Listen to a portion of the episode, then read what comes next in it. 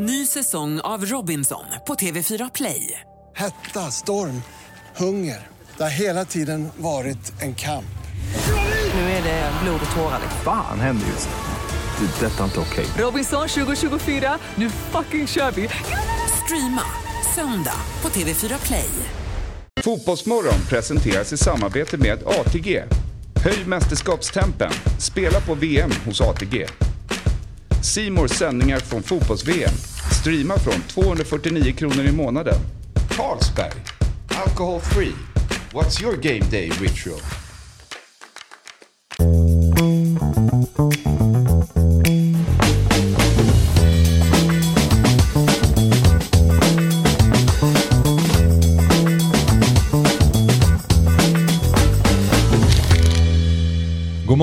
Och hjärtligt välkomna till Fotbollsmorgon. Fredag den 25 november och detta är alltså program nummer 76 av eh, Fotbollsmorgon. Fabbe är på plats, Robin är här.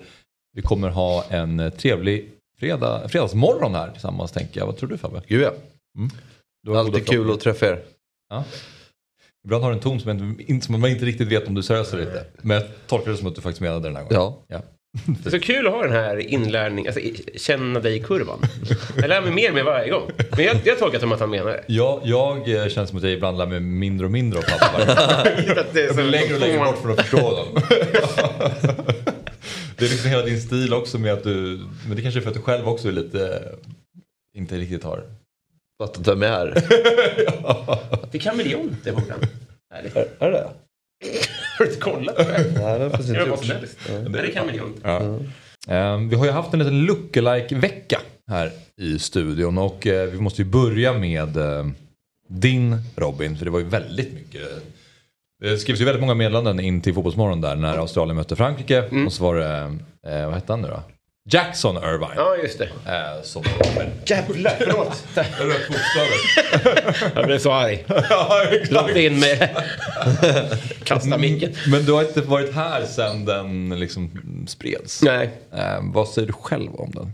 Eh, nej men jag, jag, jag såg segment, ja det är ju likt. Jag, jag, tycker ju själv att det är, att det är likt. Eh, jag, jag nämnde här min tjej innan, hon är väldigt inne på lookalikes. Hon tycker det är väldigt spännande och hon går med in på detaljnivå. Och hon har liksom approved den som lookalike. Så hon tycker att den är bra eh, på riktigt och hon känner mig bättre än de flesta. Så jag skulle säga att det är en objektivt bra lookalike. Jag tyckte att det var synd att de torskade av den anledningen att den här typen av eh, trivialiteter sket ju han i den samma kväll. hade de vunnit hade han nog kunnat spela med lite mer och kanske höra av sig på länk eller något. Ja, just det. Så, så det tyckte jag var lite synd. Han verkar vara, han verkar vara trevlig. Han verkar ha... Han sticker, alltså. Jag tänkte precis säga det. Han verkar liksom vara en härlig karaktär inom fotbollen. Ja. Sticker ut lite grann. Ja, precis. Sen är det ju lätt att tänka så här, ja men det är för att ni båda har lite längre hår och eh, mustasch som gör att ni är lika. Men det gläder mig då att det är en tjej som ändå är lite insatt i lookalike-världen. eh, bekräftar att det ändå är helt okej. Det är mer än så, det är inte bara en lös mustasch och en per, Det räcker inte hela vägen. Nej men eh, sen är det ju, han har ju en del haka också, kanske 12% av det jag har. Och sen har han ju en piggare blick och bättre hy. Alltså han, är, han är en bättre version på många sätt så jag är den som blir glad av det här. Men hade de vunnit med 5-1 så kanske han kunde bjuda på den. Ja, det borde han verkligen. Men jag fick ju den här i somras redan, så jag har ju följt den här mannen i ett halvår och haft koll på honom. Jaha, okej. Så att när, den här, eh, när det här plingade, jag var på löpbandet när den här matchen var. Och satte på inga noter, för det gick inte att se matchen. För det var så här... Så mycket Alltså notifications nu var det. senast? Alltså, Ja, okej. när de lirade. Så jag var tvungen att sätta på Måne och kolla vidare på matchen. Så jag fick jag ta, liksom, fick ta den här striden efteråt. Eh, och, ja, det, jag blev glad och tack Vilket, för det. vad var det för match som lirade i somras då? Vet du det? Som folk började skriva då? Nej, då var det bara, vi inte, men det var en fotbollsspelare som hörde av sig till en kollega till mig. Som, Ah, sk- som, skickade, och som taggade in mig. Ah, okej. Som redan hade upptäckt att det var likt. Han är ju Sankt Pauli nu. Okej. Så han är ju ett proffs. De är ju det i VM-spelarna. Jesper Hoffman kanske har sagt det själv när han har suttit i den här stolen. Men han får ju alltid höra så fort ehm, Felix Brysch dömer. Att, eh, Vi tog upp den Hoffman, igår. Du dömer. Ja, ni gjorde det. Jag misstänkte det. Jag såg inte just första delen av det. Om det var Han blev irriterad. Han Ja, blev- han gillar inte alls på samma sätt. Nej, Han vill ju jag bara leka lite, eh, jag vet inte. Han vill leka lite stor. Att han liksom har fått höra det så Jesper. mycket. Han, han gillar ju att säga det, att han får höra det så mycket. Jag menar att de är ju otroligt lika så det är inte konstigt när folk kommer med det. Men ja. Nej exakt. Men om ni vill, nu har vi ju en helg på oss. Om vi kan samla ihop ett gäng så kan jag ta med den till min tjej och så får hon sitta på kammaren och anteckna och så kommer jag tillbaks med om det, om det var grönt ljus eller inte. Ja, ja men det tycker jag. Men eh, Jackson ser i alla fall, jag tycker han ser väldigt sympatisk ut. Alltså, som, Ja. som, den högra bilden, den, den där blicken är så det här är ju en, Verkar snäll. en snäll person som bara vill ta en söndagspromenad och dricka kaffe. Det skulle nog vara kul ihop. Eller jag skulle ha kul med honom. Ja, men eh, okej, vi tar och lämnar våra lookalikes för den här gången. Eh, Ska vi prata lite fotbolls-VM? Det spelades matcher igår ju. Pavard och Frankrike, det är perfect match. Alltså vadå att han... Han kan inte spela. Ja, utseende och aura och Ja. självbild. Ja. Passa är det franskaste som finns. Tycker jag. ja. Men han, han, Försöker tänka på motbud liksom men... Jag kanske har nämnt det här tidigare, men ni har hört varför han, han, han upplever ju att han är förbisedd som världens bästa högerback för att han är för snygg. Har du sagt det? Ja. att det är anledningen till att Trent är höger är för att jag är mycket snyggare än honom. Alltså, det, det är ju, alltså han är ju, han är ju liksom, det finns, han har ju stil och klass på något sätt. Mm. Men jag tror att det är snarare det som gör att han ser lite för elegant ut för att vara en så här högerback som bara forsar fram längs kanten. Du försvarar honom. eller? Nej men jag menar bara, jo, men jag, jag, jag, men jag, menar, jag tror faktiskt att det kan finnas någonting i att så här, hur du liksom för dig på plan och hur du ser ut kan nog bidra till vad folk har för uppfattning. Han kör mini-Ronaldo alltså. Jag är lite snyggare än honom. Ja. Nej, men när du lägger fram det så så håller jag med. Men det är väldigt... Sen är jag försöker säga, Pavard, det, det, just det uttalandet är väl lite out there. Ja. Det är, någon annan får säga det tycker jag. Alltså, det är bättre när du säger det. Men när de säger så här, ja, men det går bra, men hade jag, jag måste bli lite fulare. Alltså rent fysiskt. Men tänk dig så här, tänk dig om, eh, om Haaland hade gjort liksom en fjärdedel så mycket mål han gör. Mm. Med det här robotlika och han ser ju klumpig ut när han touchar bollen. Liksom. Då tror jag man hade sett honom som en Vincent Jansen eller en, en, eh, en liksom Ja, det hade man ju också gjort för att man hade gjort så, i mål i den kategorin. Men jag Men jag menar bara att man, jag tror att de också skingras in i det facket för att det handlar lite om spelstil. och då Gud. hade han inte spelat i City och då hade man... Eh, Ja, nej, det finns många vägar att gå. ja, men, eh, mm. ja, nå, någonting tror jag finns där. ja men det, det, det är inte så... Det är inte så elegant. Det är det inte. Nej. Nej, precis. Och det gör ju Pavard. Men Ja. på högerbacken tänker jag att man inte Hans- vill ha en elegant spelare. Då Nej. ha en... Alltså apropå hans elegans så har han ju gjort ett av de mest eleganta målen också. Det här mot Argentina för fyra år sedan. Ja. Halvvolleyn. Ja. Som bara... Vilket break det var.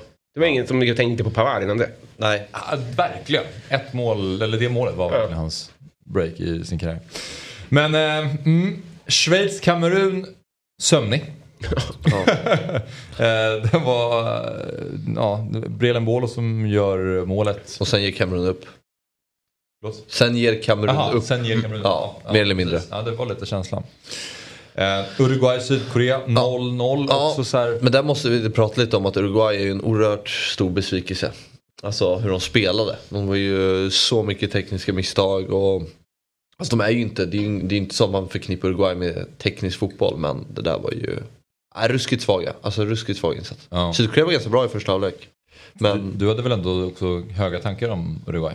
ja, alltså det är ju mer Alltså mina VM-tips gör jag mycket med hjärtat. Och Robin sa ju att Ja, de skulle vinna Ja, VM. Ja. ja men det, det är inte för sent. Nej, nej, ska, det är- ska man nej. förlora någon match i VM så är det den första. Ja. och men jag nu- menar de och nu det till och med, kryss. ja, precis. Jag menar, ja det är till och med det. Ja. Ja. Ja, så de har ändå en poäng.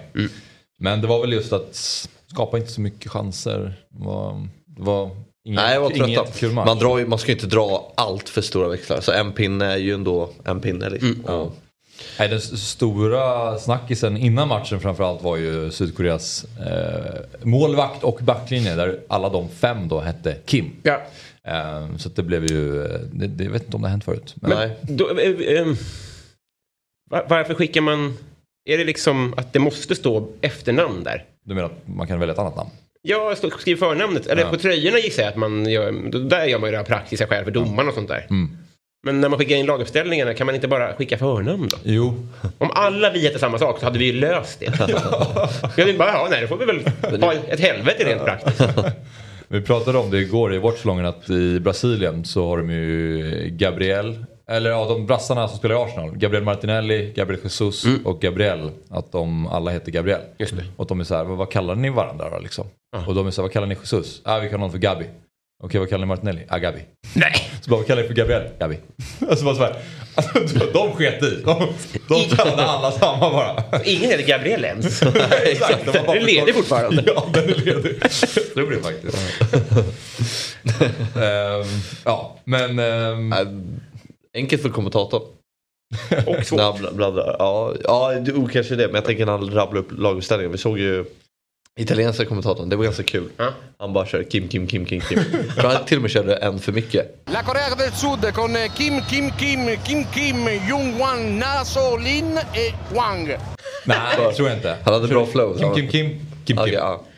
Och sen så gick han igenom eh, resten på typ två sekunder, så det gick väldigt fort. Det är kul. Ehm, ja, men Brasilien, Serbien. Första halvlek, lite trevande sådär. Brassarna är ändå helt okej, men sen så kör de ju i andra halvlek. Ja, imponerar. Mm. Framförallt målet. Ricardssons andra, tänker jag. Ja, det, det är, det är ju VMs snyggaste mål. Ja, det är det. So far. Nå- Något motbud i någon studio vad som var... Nu ska vi se. Jo, såklart. Eh. Saudis andra. Mm. ja. Men det är ju... Det är, är touchen Det va? är touch, precis. Det, är, det, det går inte. Nej. Men det är mm. Och att det, Ricardssons är ju tekniskt, det är ju delikat när han ändå plockar upp den. Sen vet man ju inte exakt hur medveten att han vill ha den precis när han Mm. får den. Men liksom, det är ändå en bra touch och sen vrida om. Och, Tycker Bellinghams nick är snygg också. där har du, det är ett kreddigt val. Ja men Det jag är svag för nickmål. Ja, men just det är väl inte, Det är en sån här skarvlobbnick. Alltså, Ja. Frågan är om han bara, jag tror, att, jag tror att han styr den mot mål och så hamnar den där den hamnar. Ja. Valencias då? Valencias är klass. Men det, det här behövdes ju, för det har, man, man har ju känt om någonting att det har inte pirrat till. Nej. Alltså det har inte sjungit till en enda gång. Det är ett förvånande resultat. Men Nej. det här behövdes ju tycker jag. Ja. Och att, att framförallt att båda benen är i luften. Ja. Ja gud ja. Det, det, det, det gör det ju tre gånger snyggare. Ja. Att han inte har något stöd från uh, tyngdlagen. Ja, nej, verkligen. Men mycket när man tänker på VM så tänker man ju på sådana här ögonblick, typ mål. Och det starkaste just nu är väl liksom Saudis två, alltså om man tänker rent. Mm. Det är det man, det är ju ett sånt där man- kommer komma ihåg Ja. från VM 2022. Saudis avgörande mål mot Argentina. Just för att det är en sån stor skräll och sådär. Och sen är det såklart 14s glidtackling. det, det är fortfarande det starkaste nummer, vi pratar om nummer 14 i Tunisien. När han tacklar dansken efter en minut och bara står och gormar i. Fan, jag har glömt det eller missat det. Ja. Ja. Ja, det blir inte, det blir inte världens grej, men vi gjorde en ganska stor grej och det är vår matchsändning för att han... eh, Ja, som firade sagt, järnet. Det, ja, det, har gått, det har gått typ 45 sekunder av matchen och han tacklar Christian Eriksen tror jag. Ja. Ganska rejäl satsning. Eh, och så här, ja, det var då Jonas Eriksson sa om han liksom kommer lite för sent där så ryker Erikssons ben. Vilket är ju och han, så eh, konstigt och bara sagt. börjar vråla och jubla som att det är 89 minuten och de leder med 1-0 och han har gjort världens brytning. Liksom. Han försöker tända igång sig själv, publiken och laget. Ja, verkligen. Och, eh, Märkligt. Blev, folk blev mest förvirrade. Var- Varför gör han så här? Men något som kändes eh, PR-inövat tyckte jag var Brasiliens firande. Det kändes som att det här har ni planerat innan. Att Okej. hela truppen kom och klappade om och typ började så här. Visst, det var, framförallt andra var ju snyggt, men vid båda målen var det ju Alltså var TV-puckshög. Du menar att vi ska visa att vi är enade typ? Att alla Det var min gissning. Ja. Det var min, man, kan ju, man kan ju läsa in olika saker i det. Ja. Eh, att, eh, jag har inte hört så mycket om interna stridigheter, att de behöver täcka för någonting. Liksom. Men det var ju ingen slump att alla sprang dit. Nej. Mot Serbien. Ja. Nej, men det, jag tänker att just när det kommer till Brasilien så finns det väl en sån enorm press från hemlandet bara. Jag tror att de är ganska lättade bara. Första matchen, de har sett vad som kan hända med Argentina till exempel. Och det har varit en, andra spelare, Tyskland mot Japan. Mm. Jag tror de var lite nerviga för att det är, vi måste få en bra start på Ja. mästerskapet. Mm. Så det, det kan ju absolut vara så. Eh, Det är inte otänkbart. Men jag jag tycker ofta man ser i Brasiliens spelares ögon att de det är ofta mycket lättnad när de, gör, några, när de gör mål. Liksom. Men eh, så har vi en till match som vi inte har nämnt än och det är Portugal-Ghana. Mm. Det blev 3-2 Ja. eh, till slut. Också så här, känslan var väl att den var lite sömnig. Jag vet inte om det är för att man har högre krav på VM-matcher. Man tänker att det ska smälla direkt. Ja. Alltså, har sett många 0-0 matcher i sitt liv som är klubbar. Ja, men det blir väl lite så när man ser en 0-match så kommer en liknande match därpå. Ja. Så det blir lite, då blir man lite besviken. Men jag var ganska imponerad av Ghana faktiskt. Jag tyckte de såg bra ut i första halvlek. Eh, men ja, Portugal lite. Det, men an, anmärkningsvärt är ju att eh, Leao inte startar. Alltså, han är ju så pass... Helvete vad bra han är. Ja, han är, Ja. Det är helt det är osannolikt. Mm. Otavio. Hur kan han starta före? Sen tyckte jag han såg helt okej ut igår. Jo men, Men vi snackar ju om en av världens Alltså, bästa menar- fotbollsspelare. Eh, nu gjorde själv eh, Felix mål igår. Tycker han var svag. Ja, Alltså, Rafael ska starta för ja Felix också. Ja. Men för, för, nu, nu har vi ju snart en fullbordad omgång då. Eller har vi det? Vi har det. Vi har, Ja, vi har det. Ja, det börjar om ikväll. Nya börjar, nej, det börjar vid 11 idag. Ikväll. Ja, du hör ju, man är så avtrubbad av vanliga VM Ja. där faktiskt ska börja kvällstid.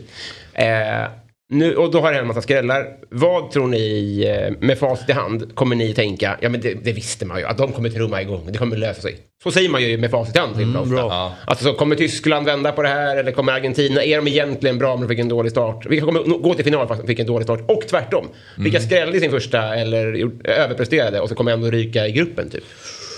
Bra fråga. Ja, bra. Jag eh, håller lite på Argentina så jag vill ju tro att de kan studsa tillbaka. Mm. Jag tror att den här, jag- återigen, jag tror att Sa- Saudiarabiens taktik förvirrade dem. Alltså de blev så ställda. bara- Saudi, Saudi stod så högt och det var så här, känslan var att deras taktik var så här, de, Saudi kommer ligga lågt, vi ska hålla bollen om laget. Och sen kunde de inte korrigera under matchens gång att allt vi ska göra som vi pratade om, det är bara mata in bakom backlinjen. Och så gjorde de det två gånger och så blev det offside och så slutade de lite grann. Mm.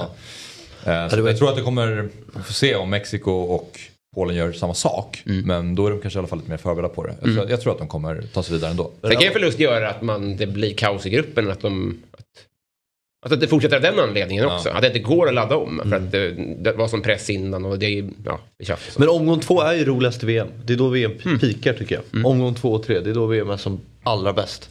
Mm. Eftersom det att det är ju- mycket matcher och det, kom, det är så här, det kommer hända grejer. Alla Något lever lag- fortfarande också. Ja, och alla, något, några lag kommer åka ut. Det är omgång två är, det är då det pikar. Vi eh, välkomnar Birger Jonsson in i studion. Välkommen Birger. Tack för det, tack för det. Eh, Så här är det då att eh, det är så att fyra kandidater har nominerats till ordförandeposten för Svenska fotbollförbundet. Eh, Då den nuvarande ordföranden Karl-Erik Nilsson kommer att kliva av posten. Och vi har bjudit in samtliga kandidater till Fotbollsmorgon och eh, ja, för att inte på något sätt välja sida. Så att alla kommer komma hit och få prata med oss. Och då har vi Annika Grälls som är ordförande Elitfotboll Dam. Vi har Fredrik Reinfeldt. Vi har Jens T Andersson som är nuvarande lands- landslagschef. Eh, det är rätt här. Ja. Eh, Caroline Waldheim, chef för hållbarhets och samhällsfrågor på Svenska Fotbollförbundet. Och Birger Jonsson då, Västmanlands FFs ordförande. Välkommen. Tack, tack. Hur är det med dig? Mycket bra, mycket bra. Tidig morgon men Ja. det känns bra. Är du van att gå upp tidigt? Absolut, i mitt värv normalt så startar vi väl upp vid halv åtta ungefär. Ja. Hur ser en eh, vanlig arbetsdag ut för dig? Eh, Jag driver företagshälsovård i Västerås och eh, drar igång ungefär vid, vid någonstans eh, halv åtta, åtta. Men eh, normalt sett så bryter jag vid lunch och sen eh, har jag en del eh, företagsuppgifter. Jag sitter som ordförande i ett antal styrelser. Så att, eh, jag jobbar ungefär halvtid med min företagshälsovård och resten av dagen med eh, andra projekt och styrelsearbete. Jag ska också säga att nomineringstiden då för att eh, ta fram eh, ordföranden är ehm, den löper ut 15 januari och förbundsmötet äger rum den 25 mars. Men Birger, kan du eh, berätta lite vad, vad, vad innebär det att vara ordförande för Svenska Fotbollförbundet? Ja, men det är ju kanske det största uppdrag man kan få i svensk fotboll. Jag har ju haft möjlighet nu då jobbat i flera nivåer i svensk fotboll. Jag har suttit i SEF-styrelsen, jag har suttit som ordförande i, i det som tidigare då var ekonomiska samrådsgruppen i svensk fotboll under perioden när, när Friends byggdes. Och sen har jag nu suttit sista tiden också i, i licensnämnden. Och det här är ju liksom det, som sagt det största och eh, intressant också ur det perspektivet att det är ju liksom en, en, en verksamhet som binder elit och bredd på ett sätt som är helt unikt. I, så ser det ju inte ut i övriga världen i stort sett. Det finns liknande modeller kanske i Skandinavien men här binder vi ihop med, med föreningarna då 2900 föreningar, 24 distrikt och eh, två starka och duktiga intresseorganisationer. Vi är ju, vi är ju världsklass på damsidan. Vi vill bli i samma nivå, i, på i alla fall Europanivå med vårt herrlandslag och så. Så att det, det är ett jätteintressant och utmanande roll naturligtvis. Ja. Och eh, kan du ta, liksom, ta oss igenom hur går det till när den här ordföranden ska väljas fram? Ja men det är ju en process nu då. Det är en valberedning då som, som, eh, som eh, får in nomineringar från distrikt eller från föreningar på, på individer. Och eh, där ska sen då eh, det sammanställas och så ska man väl titta på valbarhet som man kallar det och sen också ens bakgrund och gå igenom lite grann så att man skött sig och har bra record bakåt och så. Och eh, sen, sen är det nog egentligen, det är ju svensk fotboll som beslutar om vem demokratiskt då på årsmötet den 25 mars. Så valberedningens roll här är väl att nominera och förmodligen också ranka oss som är nominerade för, för eh, årsmötet. Men eh, det är årsmötet som beslutar och så är det. Så att eh, det kommer att avgöras den 25 Och, mars i och, vi, princip. och vilka är det som röstar då? Eh, De som röstar är ju våra föreningar, Okej. våra distrikt och våra styrelser då i både då EFD, Elitfotboll Damer och, och SEF, då, Elitfotboll Herrar och sen vår förbundsstyrelse. Så. Det är ju nästan en av de här, största frågorna. Jag vet att fotbollsbundet var på politikerna inför valet det här med alltså, planfrågan. Att Ja, det, det finns för få planer i synnerhet i Stockholm. Ja. Eh, hur viktig är den frågan och liksom, hur mycket kan fotbollsbundet påverka där? Ja, alltså, ja, men vi jobbar ju hårt och Stockholms fotbollförbund i synnerhet jobbar ju hårt med de här frågorna. För det är ju en överlevnadsfråga att vi har någonstans att vara och kan spela boll i, i, helst ute i kvarteren. Men med den tillväxt och den kraft det har varit i bostadsbyggandet och så. Och jag har själv varit i den branschen och är i den branschen, fastighetsbranschen. Och det innebär att det är liksom tufft för det är ekonomi som styr. Va? Och, eh, men man tar ju mer och mer hållbara så att säga, eh, eh, konsekvenser i, i, i bedömning när man som sagt bygger och så. Så att, eh, jag tror ändå att, och vi har ju fått mycket konstgräsplaner, de går ju att använda mycket fler timmar än en vanlig gräsplan och så. Men, men det är riktigt som du säger, det där är en flaskhals. Och eh, vi då som kommer utifrån eh, ja, Örebro, Västerås, Norrköping. Där, vi har ju ändå ganska mycket ytor. Och där finns det gott om planer. I Västerås har vi ingen planbrist egentligen. Utan där har vi halvbrist istället. För att vi vill också spela futsal. Och vi har ju, det är ju fyra sporter i svensk fotboll. Det är fotbollen, det är futsal, det är beachhockey som är kanske inte är så omfattande och inte heller då e-fotbollen. Men det, det, är ju, det är de fyra sporter vi ska skapa bra förutsättningar för, för våra ungdomar. Både pojkar och flickor. Och då är det ju mycket kontakt med kommuner och, och framförallt driva frågor både centralt men också där ute i det perifera. För det är där ofta saker och ting händer. Och det är där som ligger lite mig varmt om hjärtat också. Att vi ska vara starka på, på lokal nivå. Vi, vi, vi, ska vara, vi ska ha resurser på lokal nivå. Det är otroligt viktigt i distriktet men också i föreningarna. För att det är när vi går ihop där, det är då vi skapar liksom nya möjligheter för svensk fotboll att få eh, ja, de, de framförallt möjligheter att ge tid i både skola men också vid sidan om då på fotbollsplanen. Hur mycket inspiration hittar du i andra länder? Alltså för att utveckla svensk fotboll? Eh, ja, men eh, vi har ju haft väldigt bra utbyten då bland annat med Belgien och eh, eh, vi har en, en em, fotbollsutvecklingsavdelning som, som jobbar med de här frågorna och eh, eh, vi tittar på andra länder, vi tittar på Norge, vi tittar naturligtvis på Danmark som just nu är i ropet. Men man ska veta och man måste vara liksom lite tålamods benägen i det här också. Vi, vi har ju faktiskt tre riktigt bra mästerskap med oss bakom oss. Med tanke på att vi står utanför ett mästerskap nu. Och, och det, är inte, det är inte unikt på något sätt. Men vår utvecklingsdel i det hela den får aldrig stanna av oavsett om vi har framgång eller för det vi gör nu det kommer att mätas om kanske tre och fem och tio år. Så att därför så är det så viktigt att ha tålamod i det här trots att mm, man kräver alla möjligas avgång och allt vad det är. Så det gäller att ha tålamod och se framåt. Då. Är du bra på att jobba långsiktigt? Ja, jag tror det. Jag, tror det. jag har jobbat som naprapat i 35 år och det har gått hyfsat kanske. Går det, går det att konkretisera då um, för en utomstående som, som vi då kanske. Vad går du till val på? Vad- skiljer dig? I vilken riktning kommer vi att gå om du blir ordförande? Ja, Jag tror, ja men alltså min styrka och min, min liksom kraft ligger ju i att driva styrelsearbete, driva eh, organisationen åt, åt ett håll som, som svensk fotboll demokratiskt ska besluta att vi ska gå. Och där tror jag att jag är stark på. Det har jag lyckats med i andra organisationer och, och ehm, där har jag mycket nytta av min roll som vattenbärare i VSK bandy en gång i tiden. Att liksom aldrig ge upp, aldrig eh, se några hinder utan se möjligheterna. Men, men det är riktigt, eh, det är nog där jag skiljer mig. Eh, många kan fotboll mycket bättre än jag. Många kan säkerligen de här konsulentdragen mycket bättre än jag. Men jag tror att helheten har jag en förmåga att driva framåt. Mm.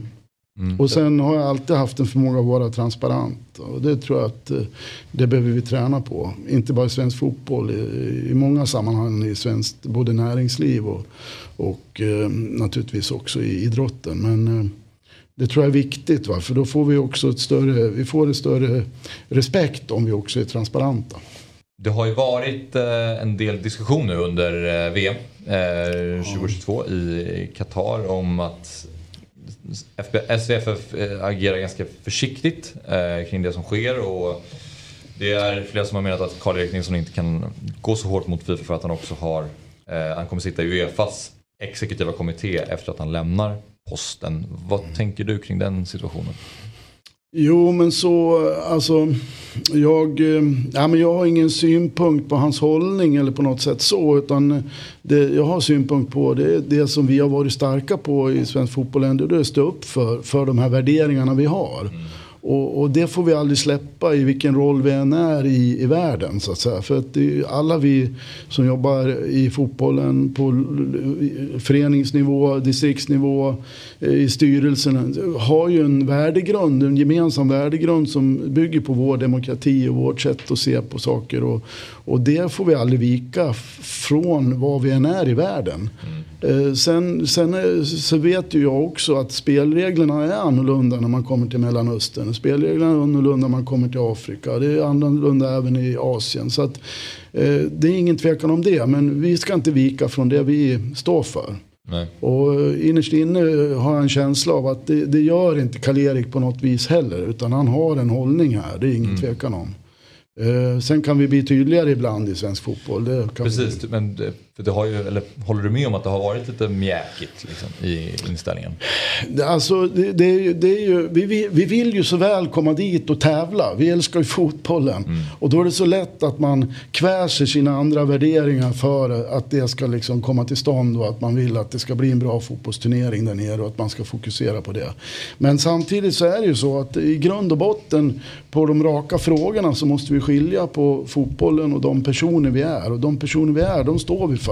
Och det gör vi även när det så att säga, kränks eller på något sätt är missvisande i, i, i politiken eller i hur man sköter de här frågorna som är känsliga då med integration och, och jämställdhet och eh, you name it. Men eh, ja, ja, där, är vi, där måste vi vara, eh, skapa en trovärdighet i att säga vad vi står.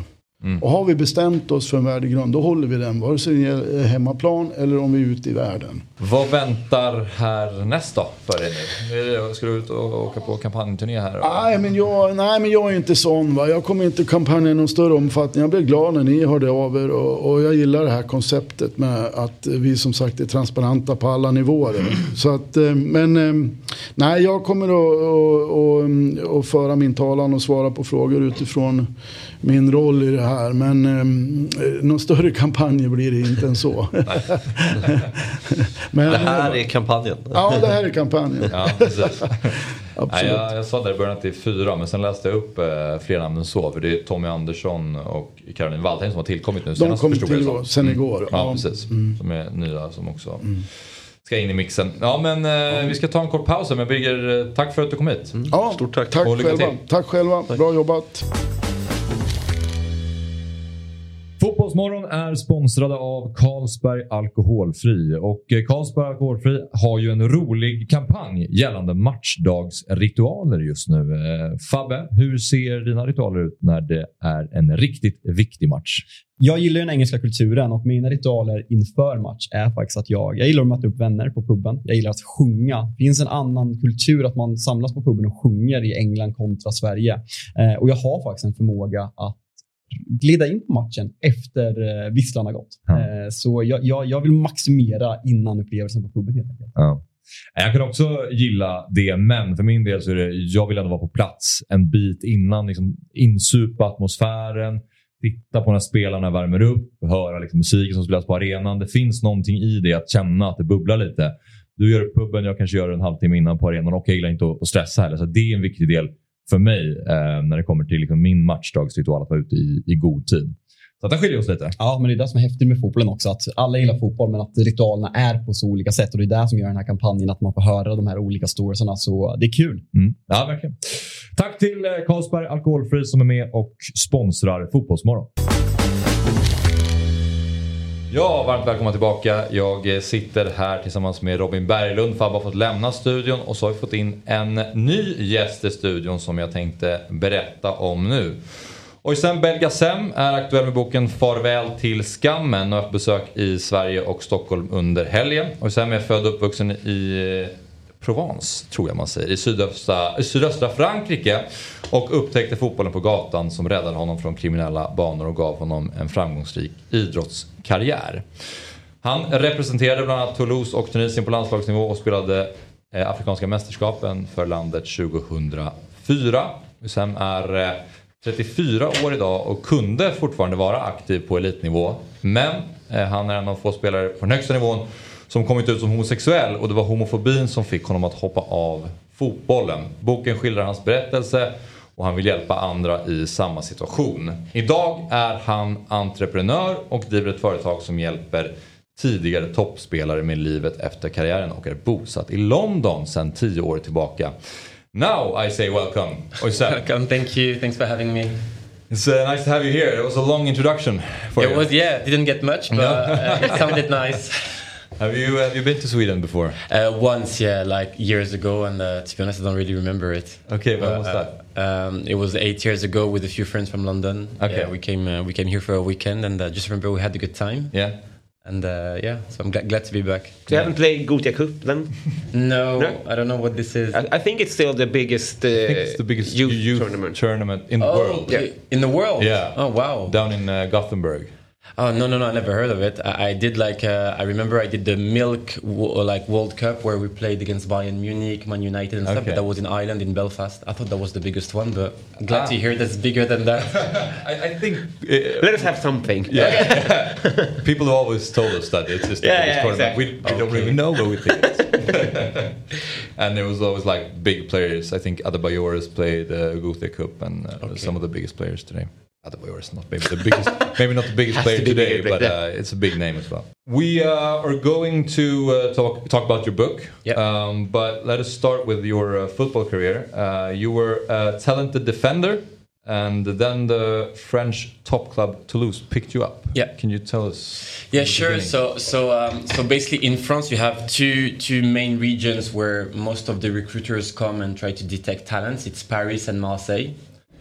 Um, and uh, Marseille is, is there's like a lot of recruiters. So uh, I had offers from different clubs when I was 13. I had Montpellier, I had Nice, and Toulouse. And uh, and and in, in terms of football academies, Toulouse has always been ranked in the top five, and Okay. uh, and also they were very strong on schools and stuff, which is not always the case with with football club. So my parents decided that that, that I would go there, and uh, yeah, so I joined the academy when I was 13 years old. I, I don't know how early the the guys in Sweden go to football academy, but Could be in that age. yeah, in that age, okay, Yeah. great. Um, and then yeah, well, then I spent all my years there. When I was uh, 16, I joined the uh, Tunisia national team. Yeah. When you were 16. Yeah.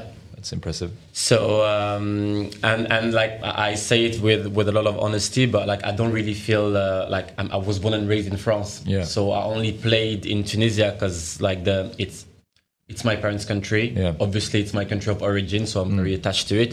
And also, it's a bit easier to play for Tunisia than France. because the, the level of competition is, uh, is is not the same. 'Cause When you were 16, you played with Tunisia in the African Cup of Nations.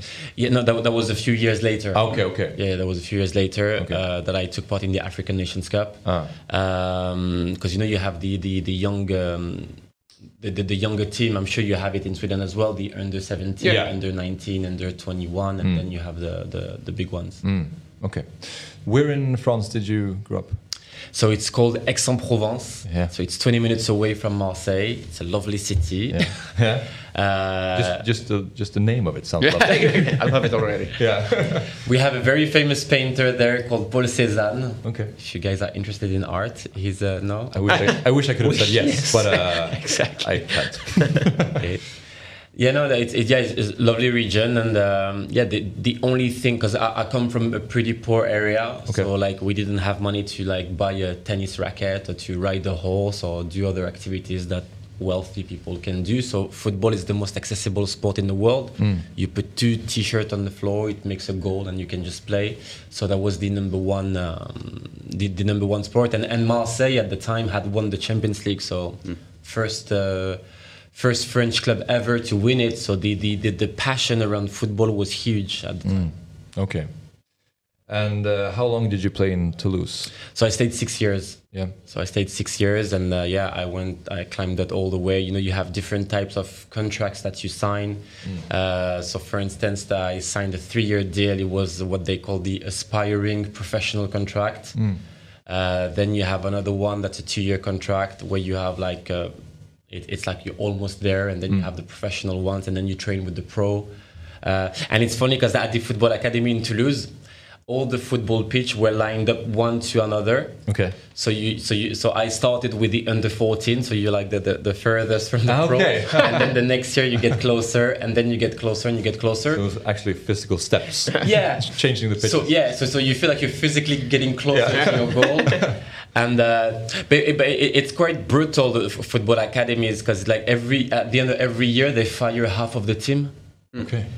Uh, and, uh, and and and football has become so international. I remember like we, they were recruiting like guys from South America, even at uh, at 14 years old, guys from South America, from Africa, from Eastern Europe. I remember we had some. Um, and yeah, and, and it's funny because you have to kind of protect yourself. Whenever there was a guy who would come and play my role, I would be telling my teammates nobody gives him the ball because you don't want you don't want him to show his skills too much. You've never played with a. a with No, sorry, how, how was this process when you, when you when they fired the half team each year? Well, uh, so at the end of the year, you have a one-on-one with the football coach, and uh, and you know, like they so they, they, they keep testing you. So, for instance, you have three big moments where they test your your speed, your stamina, your how how you jump, etc., etc. And I remember once you get into it. I knew that at the beginning of the season I was not giving my 100% because I wanted to show them that I'm making a progression. Because if you give everything in July when you start the season and then mm. if you go down, they may be thinking, okay, he's reached his full potential. So it was mm. always important to show progression. Um, and, and yeah, at the end, like at the end of each game, we were getting marked. So the coach is telling you, okay, out of 10, you've got this game, you got eight or you've got seven, and mm. this is where you need to improve.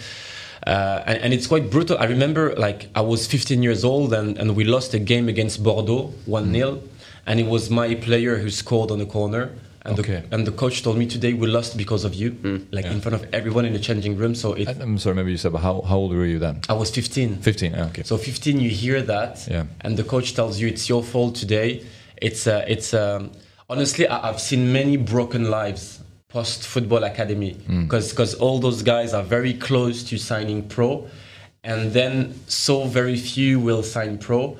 And, uh, and and then you see them on TV at the World Cup, and Mm. and, and, and it's like you, you were almost there, but then you live a very different life because the people who are gonna have a career are gonna like make a lot of money. They're gonna have the statues. They're gonna live forever, not forever, but for a long time. Their their dream, Mm. and you're gonna be like I have many friends like that. There's no belittling, but they do like security jobs or like small jobs because mentally they were broken by the football academy. Yeah.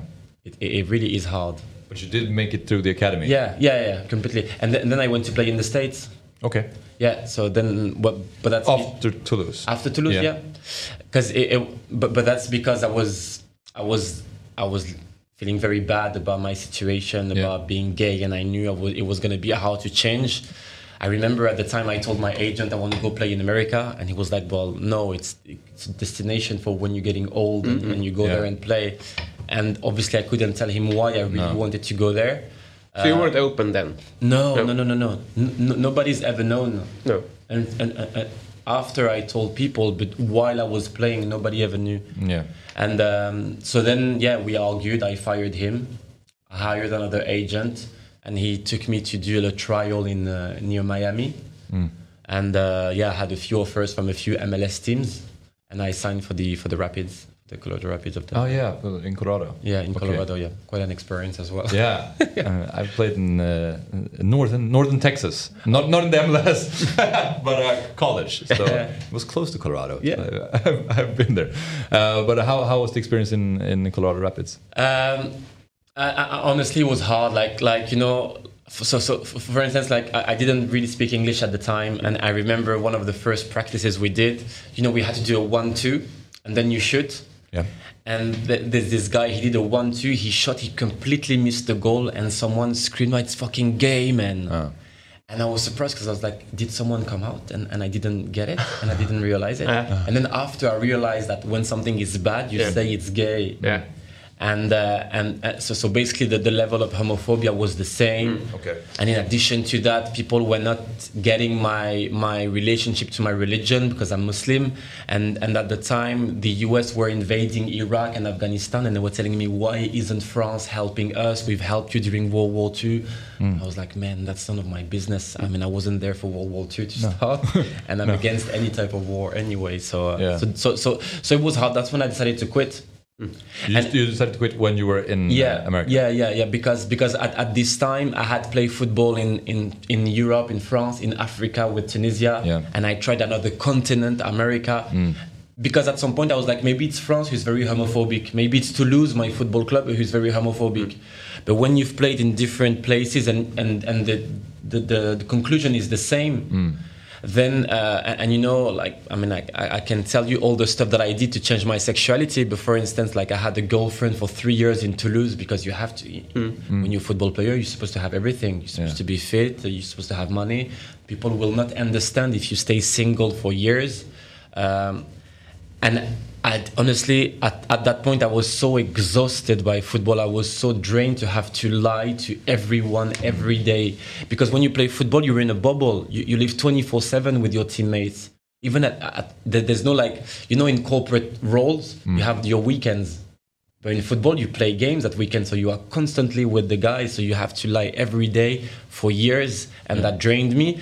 And when I was in the States, I was like, I don't have the energy to find another girlfriend to lie to her again Yeah. for years. Um, and the only, the only reason that I, that I thought of to tell everyone that I wanted to quit, it's a bit sad, but I told everyone that I got injured very badly. Okay. To me, it sounds really hard to like focus on the football when you have to live, uh, when you have to lie to people, and when you have to fake a relationship. It, it seems like it would affect your performance on the pitch too. completely. And you know what? At, at the time so when i joined the academy hmm. at the time everybody was saying things like oh it's a choice. It's a lifestyle. And in a way i was happy to hear that because i was like okay great. If it's a choice i will not make that choice. I want to be straight. So i started to see many therapists and every time i was going there i was like hello hi. I'm wissam i have a problem. All my friends are are doing are managing to have relationship with girls and i'm struggling. There's something wrong in my brain. Help me out and they were telling me things like oh but no mr belgasem you have to accept yourself for who you are hmm. and i was always replying i'm not going to pay you therapy to hear that Okay. you help me out to change or i move on to the next person Yeah. and i saw maybe 10 15 during my teenage years Okay. Th- then i prayed very very hard for years i Did, your, remember did your parents pay for this? What did no you? no no Okay. you know when you play football you, you earn money straight away Yeah, yeah. So you could, so- you didn't have to oh, tell them that. Oh no no no! I, I, from the day I was 13, I was the one helping my family financially. Okay. Because it's, okay. it's it's straight away. It's it's like big sums, Yeah. and they pay for your accommodation and stuff. So the money that comes in is just in your pocket. Yes. Um, then I, I prayed like the number of prayer that I did in my bed before I fell asleep, saying, "God, I don't care about football anymore. Just let me wake up straight. Okay. That's the only thing I want." Mm. And then you wake up and it's the same nightmare that starts again over and over again. Then I spoke to this imam who told me maybe I haven't met the right girl, and then I became uh, horrible with girls because I dated so many. Okay. but it was it was horrible. Like I could trying to find the right one. yeah, I could break up on Wednesday with one and start with another one on Thursday. So uh, then I stayed with this one for three years, as I said. And and the worst thing that I did is, um, like next to my football center, there was a wood where gay people were meeting up. And one day I joined a, a, a brigade to to go and and like chase them and fight them. And, uh, and and and that was uh, something that I would regret for the rest of my life. But it, it, it was I was in such a dark place at the time. I was only 17, 18 years old, okay. and I was thinking maybe if I chase those people away from the wood, I will chase those thoughts from my brain. from you see I mean, it makes no sense, but at the time, it it, it, it, it was my you did logic. everything you could just to. Yeah, and, and, and, and to me, I thought it was the ultimate cover. If you hate gay people that much that you're gonna beat them up, there's no way you can be one. So when when we're going back to the football club, we were welcomed like heroes. Like oh, they, yeah, they, you know, they, they scared the gays and blah Really? blah blah. Yeah, Eh, that, that, that's the mentality in football. It's it's it's so hostile. And this towards was in the beginning people. of the 2000. Like. Uh, maybe 2006, 2007. okay. Mm. So yeah. What is it with football that uh, I, I don't think what you told about the, the situation it maybe isn't in uh, in all of football right now, but why is it uh, such an unwelcoming Mm. place to be in? But because I think it's the, like, like the, the the the level of toxic, what I call toxic masculinity, is very high in all the layers of football. So I've attended meetings with like chairman and big like big president or coaches from football clubs and the way they speak about women and you know the way they value masculinity and that they, they don't in football you're not supposed to show your vulnerable side. You know you like it, it would be so strange if, if in a changing room a player would start crying for instance and you would mhm. see all the teammates coming like oh are you okay? Blah blah blah. Mm. That, that, that, that, that is not how it how it works in sport. It's all about being strong. It's about being masculine. And people i think a lot of people have a confusion between masculinity and sexual orientation. Mm. And and for a lot of people if you're gay you you wear high heels you you, you dress like a woman or, and, and you like lipstick and you like britney spears and stuff mm. And it, it's wrong uh, and and i mean those gays exist and they have a right to exist and i will always fight for them to have a right to exist but also you have guys like me like i listen to rap music i did boxing for six years i was a defender a, a pretty rough one Yeah. but that doesn't change that i like, I like men as well and then you have, I don't know if, if, if if you got followed the, the uh, Hugo Lloris, the captain of the French Yeah. national team, what he said recently, that doesn't help. The guy, you know, the, the he's at the top of the pyramid of the football institution in France. What what exactly did he So, say? so, so, so basically, what he said is that um, he is he doesn't want to wear the armband One Love Yeah. because in Qatar, if they think uh, homosexuality is a crime, we should respect their values and we should respect their view of the world. Yeah. And I wrote him a letter. Okay. Uh, a few days ago, and, and because of that letter, I ended up being on, on uh, a number of TV shows in France a few days ago, where I explained that to me, uh, he's on the wrong side of the of the history, on the wrong side of the line, Yeah. because the, like defending the LGBT community or defending women in Iran and, and that kind of stuff are human rights. Yeah. It doesn't belong to a political party. And to me, human rights are universal. And when someone has a, a light like he has as a Yeah. as a worldwide football star, he should use that light to fight for equality. Mm. And if he has nothing to say around that, at least he should shut it. Basically, Yeah. This is this is what I said uh, uh, uh, uh, to him. Has he responded? No, he hasn't responded, but but I'm sure he, he heard of it because all the media has talked about it Yeah. in, in, in, in France, and I know like you know they must have PR that follow what, what is being said about them. But I, honestly, I'm I'm so disappointed because right now I work a lot with football clubs. So for instance, I work with Monaco. I work with Toulouse, I work with uh, Auxerre and, and other football teams in France. And whenever I go and talk to them, because he's the captain of the France national team, he just made my work much harder. Because they're gonna be like, okay, if the cap- if Hugo Lloris says that, then he must be right. And um, and yeah, so so so so, for, so basically. To answer your question, th- there isn't just one person that is a problem. To me, it's the whole system. Yeah. It's the fans, it's the people who uh, manages the club, it's the players as well. I, I, you know what? It- It's so frustrating for me. As you can see, I'm Wissem Belgasem, I'm French, but I'm also an Arab. And I've suffered from both racism and homophobia.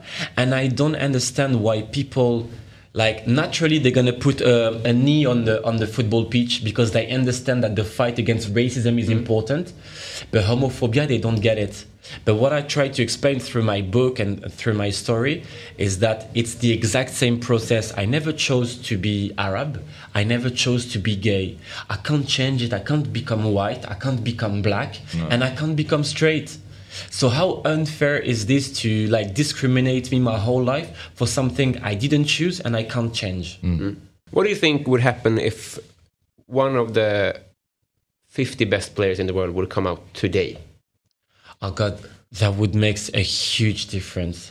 Because I think the, if, if it's some, if it's one of the top players, to me, they, they're gonna they're gonna have a like a, a statue, like a level that that uh, they they couldn't be put on the bench. Or they couldn't like like. like You don't think so? No, I, like if it's a Cristiano Ronaldo, for instance, and I was hoping at some point that he would come out, but uh, maybe he's just not gay. But like there were lots of rumors that we, I'm sure you, we all heard that. Uh, like if it's a Messi, Ronaldo, Neymar, Mbappe, there's no way you can put them on the bench. I think I think it's much more riskier for like a, a, a, a like a Division Two player, or or if you play in Division One, but sometimes you you on the bench, sometimes you're a sub, sometimes you play because the, the human factor is very important in football. Yeah. If you look at it, you can be the best player in the world, and then there's a change of coach, mm. and then you're on the bench, and, but you're the same player, and you don't you don't understand why. And the coach would use that because it's vulnerability. Mm. It, it would be perceived as a weakness. People would use it against you. Mm. You ended your career when you were 21. Uh, when did you come out? How long after? 10 years after, 10 years or- I I mean, to, to the football industry through my book. Yeah. And, uh, and, um, and, and just to show you how homophobic the football industry is. So in, so I, I quit football at, at, at 21. Uh, it was hard for me to go back to France because my teammates like Moussa Sissoko or Etienne Capou, they were making it to the France national team, going to the World Cup. And I was playing with these guys. So I was like, my God, I'm, I'm, I've missed my I'm a failure you know I failed my life. So I went to to, to London to to study and uh, in 2014 I was like okay you know a lot of football players. What can you do with that network?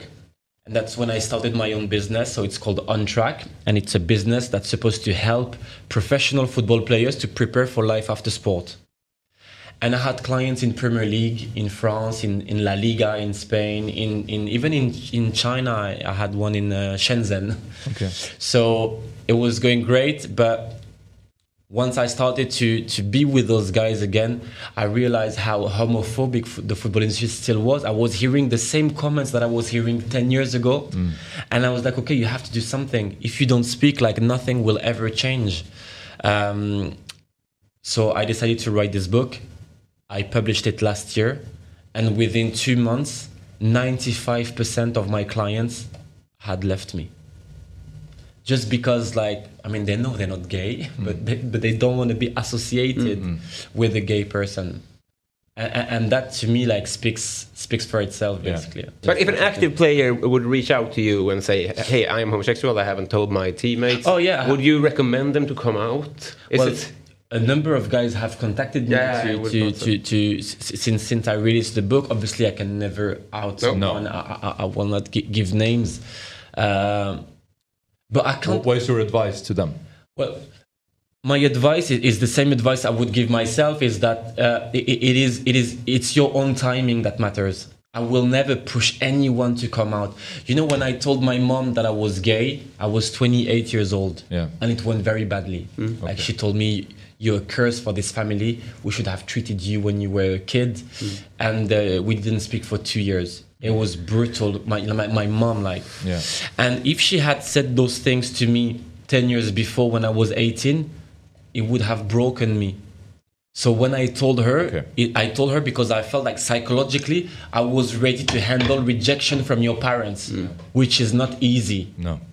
Um, and, and and so so whenever someone wants to come out, you have to consider all the parameters in your life. Are you financially stable? Do you have someone you can lean to? Uh, like I had my therapist ready when I told my mom because I knew it was going to be a challenge, so I wanted to be able to talk to someone about it.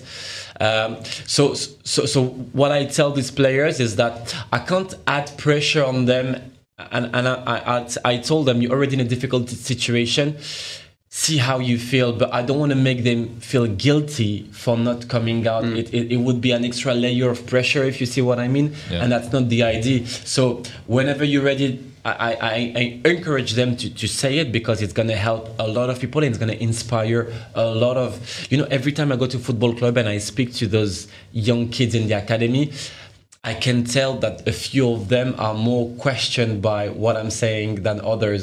And then they're gonna add me on Instagram and, and, and and they follow what I do.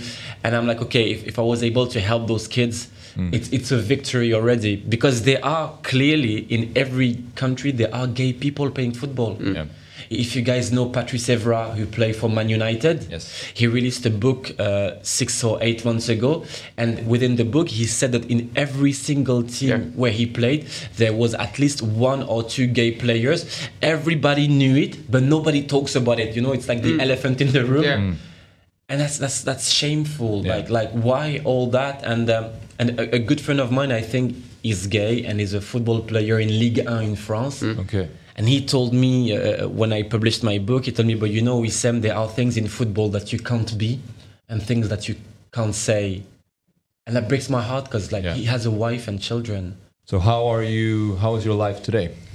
Well, my life today is very good, like in, in the sense that I don't have to lie anymore to anyone. Yeah. so when you do a public coming out, at least you know you can't say, "Oh, it was a joke" or something. So uh, no, no, everything is good. Like obviously, I'm disappointed for my business, but so many other doors have opened. Okay.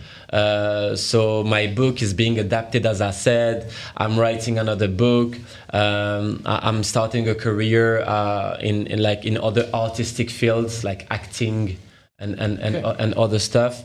Um, so yeah, um, I'm living a full life. I work a lot as a speaker, where I go to football clubs, to businesses, to school, to to to preach a bit my, my values and my and, my message.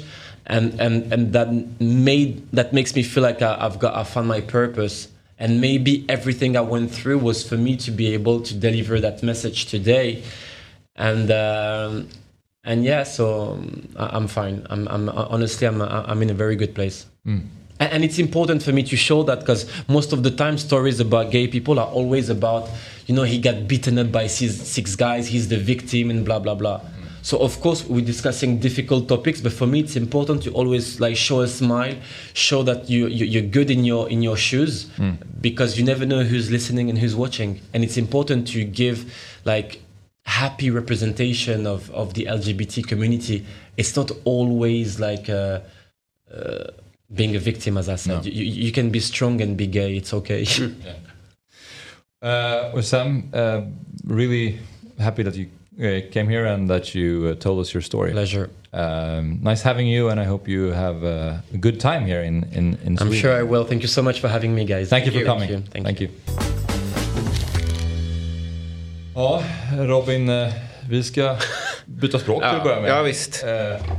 Och, Känsloläge nästan. Ja, Mm. precis. Ja, men det är verkligen starkt och ot- otroligt modigt, eh, får man säga. Mm. Och, jävla trevlig också.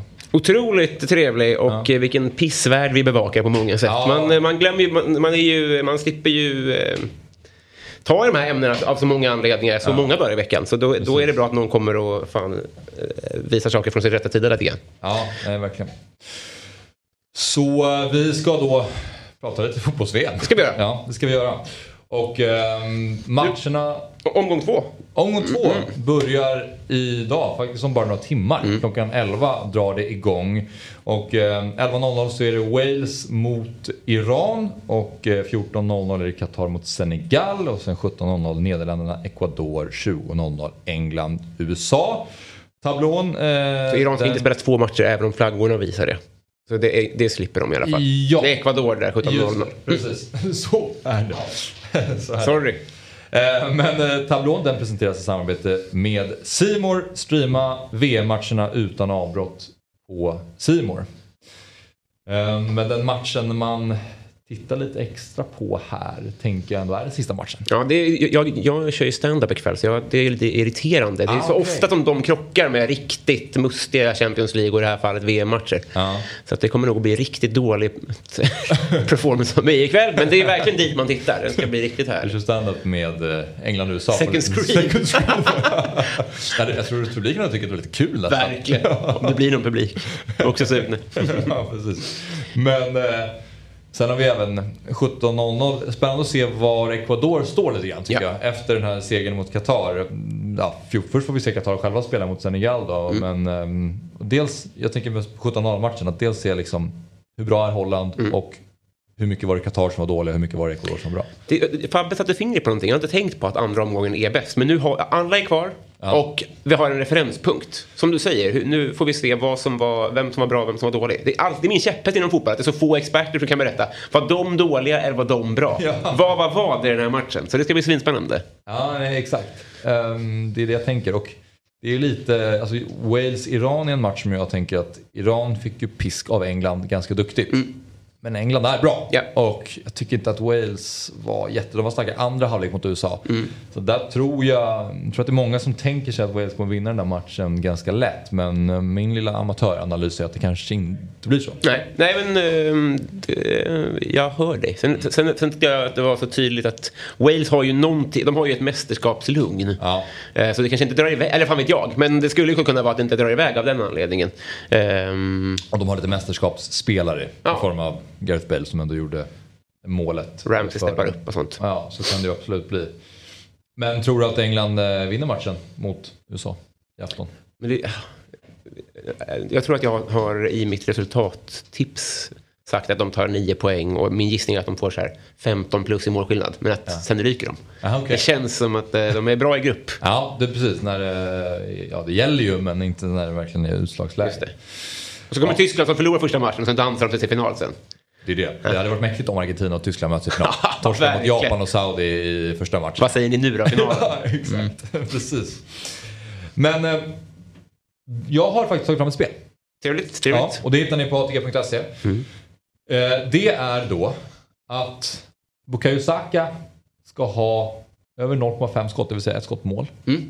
Eh, och en liten kombination, en dubbel här, och att Harry Kane ska göra mål. Skott på... det- Han ska inte göra mål, han ska Nej, skjuta på... Ja, ja. Eh, Ett skott på mål. Och sen ska Harry Kane göra mål. Jag förstår. 3,70. Ja. Och det, eh, du får reagera här, men det jag tänker är att det har blivit mycket straffar. Det här mästerskapet. Det varas ofta. Ehm, och Harry Kane gjorde inte mål mot Iran. De gjorde sex, han gjorde inte mål. Och han vet ju om att han kommer, om han spelar det här mästerskapet, kanske ett VM till. Han jagar ju alla möjliga skytteligor. Han är ju en målkåt spelare. Ehm, verkligen. så att jag är helt övertygad om att han kommer göra allt för att göra mål här ikväll. Och som sagt, jag tror att det kan dyka upp en straff och då är det han som kommer ta den. Och Saka efter den matchen mot Iran. Någon gång måste han skjuta. Ja, verkligen. Ja. Nej men det var... Um, ditt drömscenario, är det att Saka inte gör mål men att han eh, träffar mål? Ja, så att du får fira själv? Exakt. Exakt.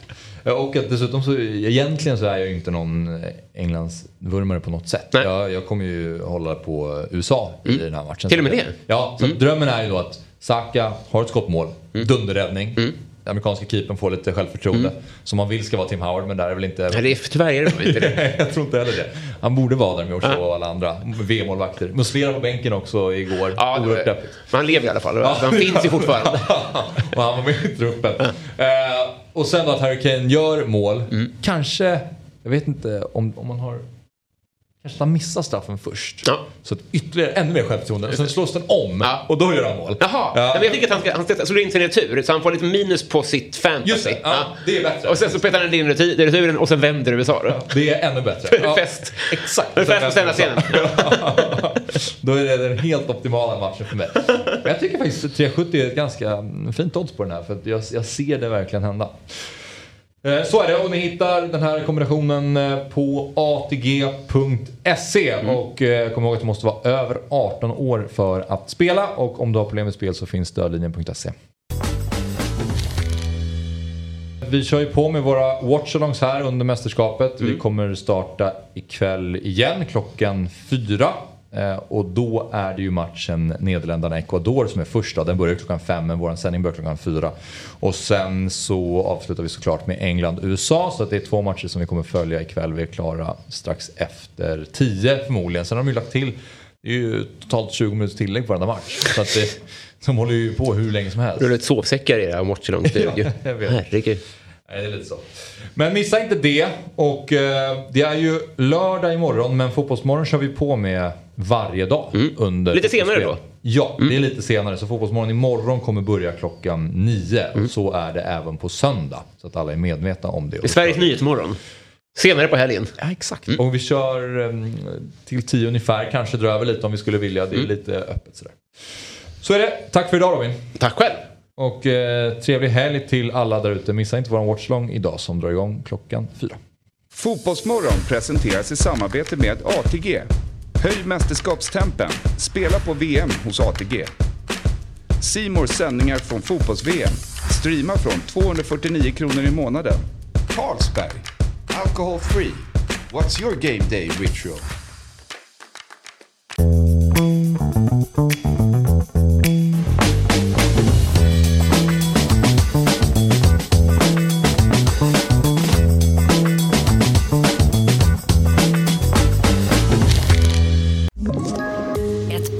Poddtips från Podplay. I fallen jag aldrig glömmer djupdyker Hasse Aro i arbetet bakom några av Sveriges mest uppseendeväckande brottsutredningar. Går vi in med hemlig telefonavlyssning och, och då upplever vi att vi får en total förändring av hans beteende. Vad är det som händer nu? Vem är det som läcker? Och så säger han att jag är kriminell, jag har varit kriminell i hela mitt liv men att mörda ett barn, där går min gräns. Nya säsongen av Fallen jag aldrig glömmer på Podplay.